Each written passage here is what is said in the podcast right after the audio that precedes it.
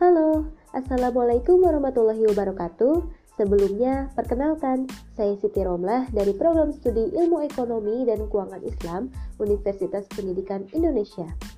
Di sini, saya akan membahas tentang faktor pendukung pembangunan ekonomi serta indikator keberhasilannya.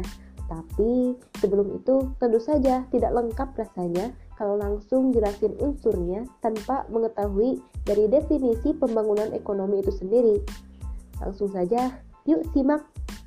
Pembangunan ekonomi merupakan satu proses yang menyebabkan pendapatan per kapita penduduk suatu negara yang meningkat dalam jangka waktu yang panjang.